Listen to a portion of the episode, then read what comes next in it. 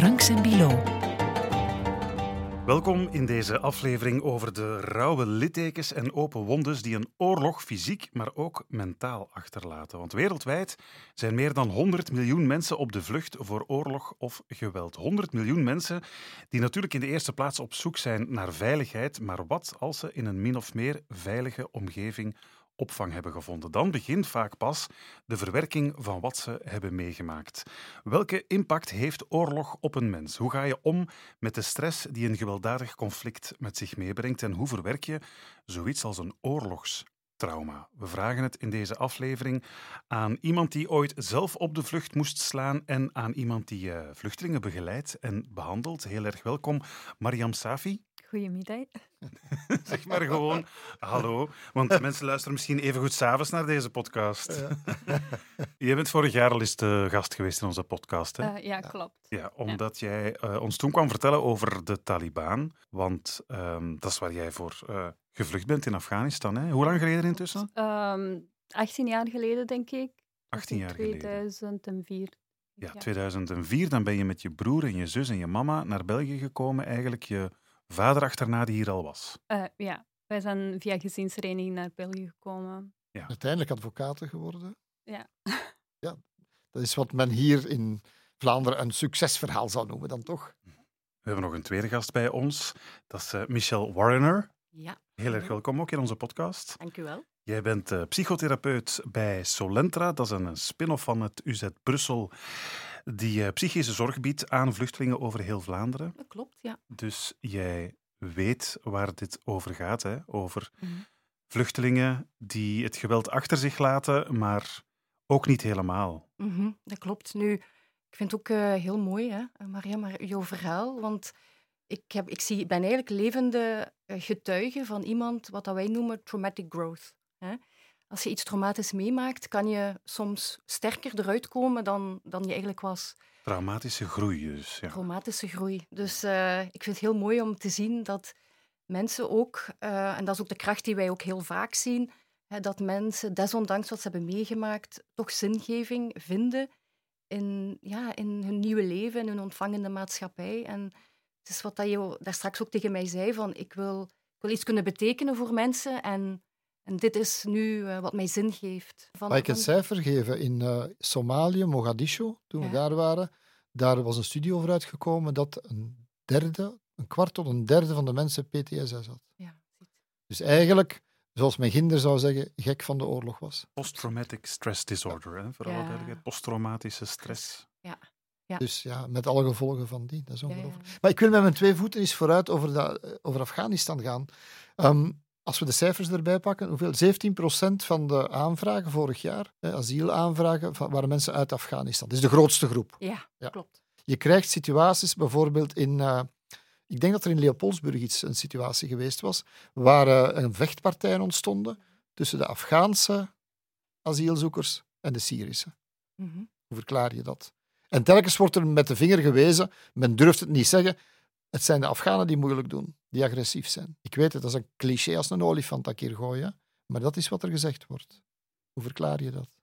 Er zijn verschillende verklaringen. Dus ik ken het incident niet, maar ik weet wel dat er wel verschillende conflicten zijn. Maar in eerste instantie is het belangrijk dat mensen in de asielprocedure heel hard zoeken naar waarom duurt mijn interview zo lang. Dus deze mensen zitten al in extreme stress, onzekerheid. En als er dan gekeken worden naar de andere groeperingen, Syrische, waar dat ze zeggen van ja, daar, uh, hun herkenningsgraad is misschien wat, wat hoger en bij ons is dat wat minder. Dus die stress komt alleen maar groter. Nu, anderzijds denk ik ook wel dat er uh, bij bepaalde groeperingen altijd zo'n beetje een leider is die uh, binnen de groepsdynamica wat aanzet, die veel invloed heeft en die aanzet tot, tot haat, zal ik maar zeggen, of tot conflict met de andere groepen. Maar kan het ook zijn dat, die, dat dat jongeren zijn die eigenlijk op zichzelf de bergen overgetrokken zijn en eigenlijk alleen maar de taal van ja, je moet je verdedigen. Hè. Ja, dat kan. Hè. Die taal kennen, en, en, dat is een vorm van hun manier om met die oorlogstrauma's en die, en die werkelijkheid om te gaan. Ja, maar het gaat ook over loyaliteit. Hè. Dus wat ik hier wil, wil zeggen, is dat er misschien één persoon zit die zwaar getraumatiseerd heeft en die misschien al een negatieve beslissing heeft gekregen. En als je in een vreemde omgeving zit, dan ga je natuurlijk geneigd zijn om u te groeperen binnen uw gemeenschap. Maar als je in een groep zit, moet je de regels van de groep volgen. En als de leider slechte bedoelingen heeft, dan gaat natuurlijk die leider andere kwetsbare jongeren aanzetten tot geweld. We mogen het niet zo één op één, het oorzakelijk van, ja, dat zal wel komen doordat ze zoveel hebben meegemaakt. Er zijn jongeren waarvan we weten dat die al jaren onderweg zijn, dat die uh, sowieso al van thuis uit zijn bijna weggestuurd, omdat dat gedrag onhoudbaar. Dus je zit daar bijna met een onderwereld, een criminaliteit, zal ik maar zeggen, ja, die we moeten aanpakken. Dus het gaat niet meer over, over het psychisch lijden, maar dat gaat dan eigenlijk over slachtoffers die daders worden en die dat niet meer zien. Lijkt me heel moeilijk om daar, als je in die wereld dan terechtkomt, om dat te begeleiden of daar iets aan te doen, om te weten. Absoluut. Wij werken met leefgroepen waar dat we horen van kijk, we zijn bang. Soms staat daar een jongere aan onze deur en die heeft precies een hele speciale invloed op die andere en dan zitten ze al te denken aan afpersing. Ja, we zitten dan eigenlijk aan een overlevingsmechanisme waar dat de jongens denken, ja, als ik hier uitstap, dan ben ik bedreigd met de dood. En deel uitmaken bij deze groep biedt mij bescherming. Maar dat is geen bescherming. Hè. Dat is eigenlijk uh, u hechten aan een dader. En waardoor je psychisch natuurlijk nog meer in, in de problemen komt. En inderdaad, de leefgroepen worden daar nu mee geconfronteerd met, met een onderwereld. En misschien ook wel doordat de, de erkenningsgraad daalt. Heel wat niet begeleide minderjarigen krijgen een negatieve beslissing maar kunnen niet terugkeren naar Afghanistan. Want Taliban, als je daar aankomt en je hebt, je hebt jaren in België geleefd, je bent een vriend van de vijand. Dus ik zal me wel vragen bij jou, hoe, hoe gaan deze jongeren overleven? En, en dan gaan ze groeperen. En dat is natuurlijk, maakt ze zo kwetsbaar. Want er zit, ik durf verder dat er 99 van, van procent van die groep wel de beste bedoelingen hebben, maar ook in hun angst zitten van ja, wie kan ik vertrouwen? En die leider die zorgt ervoor dat er misschien wel dingen kunnen geregeld worden en daardoor vastkomen. Is dat iets wat, wat jij herkent? Hè? Want, want jij bent, zoals Rudy daarnet uh, al een beetje schamper zei, een succesverhaal, hè? zo heet dat dan in België. Maar heb jij dat zelf ook met, met, uh, met anderen wel fout zien, de, de foute kant zien uit, uh, uitgaan? Wel, het zijn eigenlijk twee soorten vluchtelingen vanuit Afghanistan en ook in twee verschillende periodes toen mijn vader van Afghanistan uh, gevlucht was. In die periode gingen meestal intellectuele mensen, mensen die hoogopgeleid waren, wegvluchten. Uh, en uh, meestal waren het ook volwassen mannen die al een gezin hadden in Afghanistan, die al een leven hadden opgebouwd in Afghanistan. Dus het zijn eigenlijk twee verschillende groeperingen die eigenlijk niet te vergelijken, ja, ja. niet te vergelijken zijn. Dus ehm, de omgeving waarmee ik ben opgegroeid is helemaal anders dan de omgeving waar de jongeren die uh, nu naar België komen en waarin zij terechtkomen. Ja, ja. ja ik heb daar mannen gesproken, arme gezinnen, die, waarvan de oudste zoon allemaal weg zijn. Ja. Ja, die wordt weggestuurd bijna omdat het gezin niet kan overleven, om het gezin te helpen overleven. Ja. En uiteindelijk komen die dan ja, via de bergen, Turkije, Iran, Turkije. En die gaan altijd maar verder. Na enkele jaren zijn, zijn ze hier. Ja, vroeger gingen ze meestal naar Iran in de jaren negentig. Te werken uh, daar wat, om, om daar te werken. En nu is dat niet meer mogelijk. Dus, dus gaan ze uh, nog steeds verder. Ja, ja. Maar ja, dat is, dat is, een andere, dat is een andere wereld natuurlijk. Ja, het is een andere wereld. En het zijn ook andere verhalen waarin ik mezelf niet kan vinden. En kan ook niet zeggen van het komt daardoor of daardoor. Wat ik me ook afvraag er zijn heel veel mensen die op vrijwillige basis mensen, uh, vluchtelingen, asielzoekers helpen. Um, heb je eigenlijk tips voor, voor, voor die mensen, hoe ze moeten omgaan met die trauma's waar ze waarschijnlijk ook wel eens op botsen? Mensen die zelf geen, geen professionele hulpverlener zijn, die zullen ook ongetwijfeld wel op, op dingen botsen van hoe moet ik daarmee omgaan, lijkt me ook niet altijd evident. Nee, dat is ook zo. En uh, heel veel mensen uh, beginnen met goede wil. En, en merken dan ook natuurlijk van, oei, dit is wel, wel heftig, maar ik, ik, de tip die ik uh, geef aan mensen is: doe dit nooit alleen. Hè. Omring u door anderen. Omring u door uh, eventueel hè, mensen van de sociale huizen. Mensen die, ja, die, die daar al wel wat, wat jaren in, in, in, thuis zijn. En ja, dwing mensen niet om hun traumaverhaal te brengen, maar sommige mensen die staan, te, die staan te popelen om eindelijk dat verhaal te brengen. En dat ik ook zeg van, oei, let op. Hè. Um, als je het gevoel hebt van, dit, kan, dit gaat iets zijn waardoor ik s'nachts niet meer kan slapen, uh, kan je altijd zeggen van, oh, ik dank u voor uw vertrouwen. Dat is zo waardevol, maar ik ben hier niet voor opgeleid, maar ik ken wel iemand. En door die ja, vriend van een vriend mm -hmm. komt dat vertrouwen van hè, de mensen op de vlucht van, oké, okay, ik ga die hulpverlener een kans geven. En op die manier breiden we dat sociaal netwerk uit van de persoon, waardoor natuurlijk stappen in de positieve richting kunnen gezet worden. Mag ik een paar harde verhalen erin brengen? Bijvoorbeeld, ik ben in 2006 in Libanon geweest, waar toen de oorlog tussen Israël en uh, Hezbollah woedde. Daar was een heel gezin, of, of de, hele, de, hele, buurt bijna uitgeroeid. Er was een kind dat het overleefd en dat kon niet meer spreken daarna. Ja. Ik ben daar met een psycholoog naartoe gegaan. Je kan je inbeelden dat er zoveel mensen zijn die voort... En dan Gaza. Gaza, ik heb, hoeveel oorlogen heb ik daar niet geweten in Gaza? ben dokter Sarai, of psychiater Sarai, is zo'n beetje de grondlegger van de generatie, menskinderen die telkens opnieuw nieuwe generaties die de trauma's van de bommen en tegelijk opgesloten zitten ondergaan. Ja. We zijn bij kinderen geweest. Ja, die, die, kunnen dan tekeningen maken. Je kent de therapie. Laat ze tekenen wat ze in hun gedachten hebben om dat te verwerken. Sommigen gaan op de vlucht ooit, want men wil ontsnappen. Hoe, hoe ga je daarmee om? Ja. Eerst en vooral vind ik dat het ons voor een stuk onze verantwoordelijkheid is om, hè, natuurlijk in de politiek, als mensenrechtenactivisten, zal ik zo maar zeggen, blijf ik ook, wil ik ook altijd uh, ja, de overheden wel responsabiliseren. Want bedoel, de situatie tussen Israël en, en de Palestijnen, dat, dat is gewoon een, een hertraumatisatie, een herhaling van wat al zo lang bezig is. Dus wat kunnen we doen? Um, ik ben zelf ook uh, in, in Gaza geweest en ik weet dat er, ja, ja, en ik weet dat er heel veel mensen zijn die, uh, die met alle initiatieven um, ja, uh, de kinderen een, een safe play area willen geven. En kinderen krijgen de kans om te tekenen. Maar wat ik heb gemerkt, en ik, ik zie dat nu ook wanneer dat je Palestijnen begeleidt in België, dat, dat, en het wordt soms gezegd van de Palestijnen, dat is echt wel een moeilijke populatie om te begeleiden. En ja, we komen eigenlijk tot een collectief trauma. En, en ik, ik, ik zeg dan ook van, ja kijk, het Westen heeft de Palestijnen in de steek gelaten. Zo, dat, is het, dat is het narratief. Hè? Dat is het gevoel. Hè? Um, het is um, onze eigen Arabische uh, Liga of Unie heeft ons in de steek gelaten. Dus wat ik hoor is ook een stukje... Er wordt eigenlijk altijd met ons gespeeld en ons gebruikt wanneer het uitkomt. Dus wat ik merk is dan in die kinderen gaat er dan een soort, zijn, een soort trots zijn van ik ben Palestijn.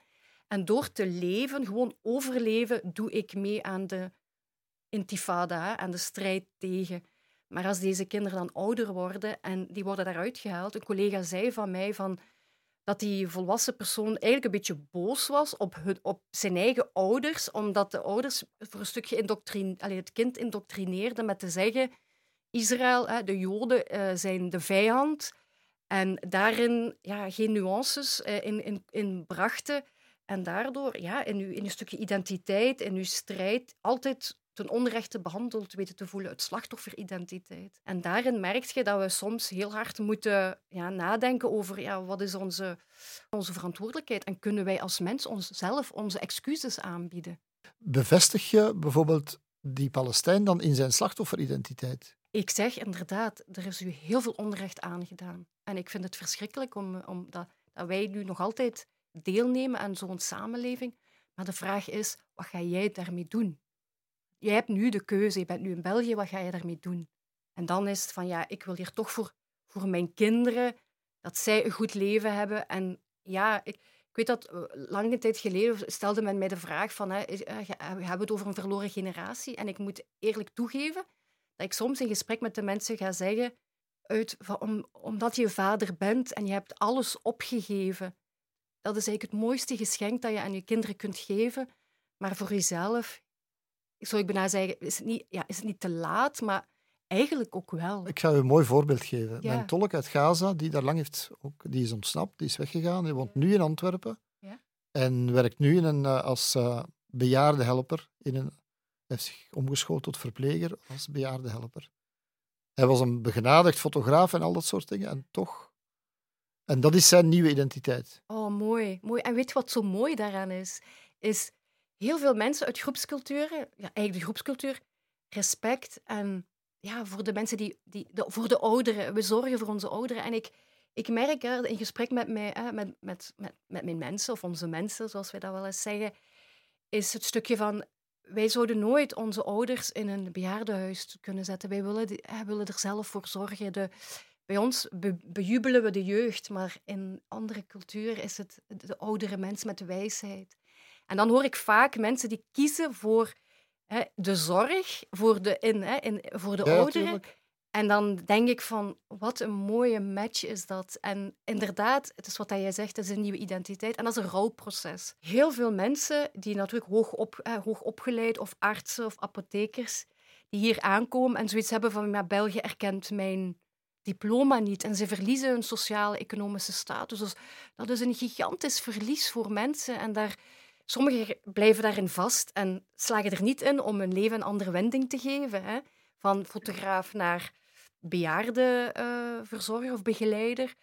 En ja, anderen komen vast te zitten en dan worden ze bij ons aangemeld van deze persoon geraakt niet geactiveerd op de, op de arbeidsmarkt. En dan botsen we op dat rouwproces dat maar niet, uh, ja, waar mensen nog niet aan toe zijn gekomen. Ja, maar het geheim zit hem toch, begrijp ik, in het appelleren aan die veerkracht. Echt waar, absoluut. Ja. En ook opvallend dat inderdaad veel, um, veel mensen die naar hier gevlucht zijn, ook wel in ofwel een, een, een zorgende of, uh, of, een, of een ander geëngageerde uh, beroep terechtkomen. Hè? Zoals, zoals uh, Mariam zich nu ook bezighoudt met asielrecht, uh, zoals uh, Rudy zijn compaan, die dan, die dan ook in de zorgsector terecht. Dat, dat, valt, dat valt me toch wel op ook. Absoluut. En ook tolken. Hè. tolken zeggen soms van, oh, wij zijn eigenlijk zo blij dat we kunnen met jullie werken, omdat dat ook zin geeft aan, ja, aan, aan mijn leven. En ook, al, ook al zou het anders geweest zijn, mocht ik in België zijn geboren Um, dus dat is um, ja. een andere parameter. Hoe jonger, hoe beter? Het hangt er uh, in principe wel, maar het hangt natuurlijk af hoe sterk de ouders zelf zijn. Want Mariam was 13.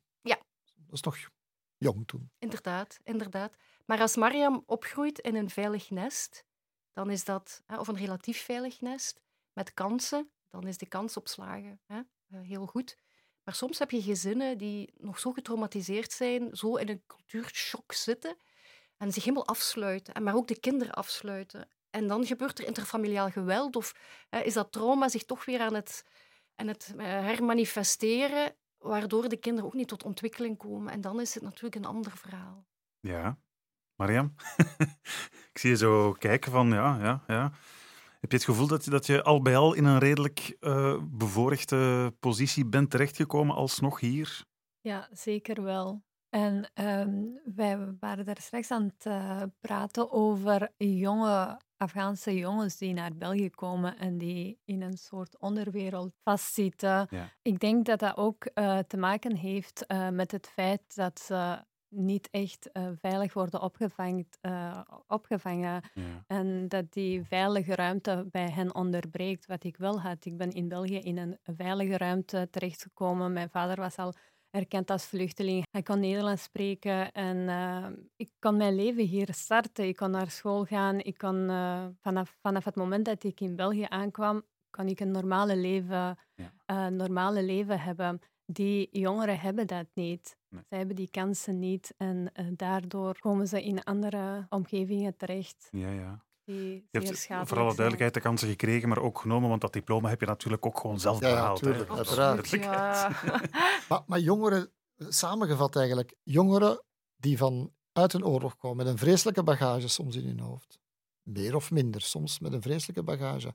In een andere cultuur, die hun vreemd is en niet altijd even open, open staat. Hoeveel kans hebben ze? Wat is er nodig dat ze best, de best chance om te slagen? Een community, een ontvangende maatschappij, de leerkracht, de trainer. Ik hoor soms zo jongeren die zeggen: eh, ik, uh, ik moet een voetbalwedstrijd spelen, maar mijn ouders staan er niet. Maar als daar een, uh, een ondersteunende pleeggezin daar staat om te zeggen: wow, goed gedaan. Een voogd die zijn rol opneemt. Leefgroepbegeleiders die, die mee nadenken over de, de moeilijkheden, de CLB's dan ben ik helemaal, dan denk ik dat wij een enorme, uh, ja, enorme slaagkansen hebben, absoluut.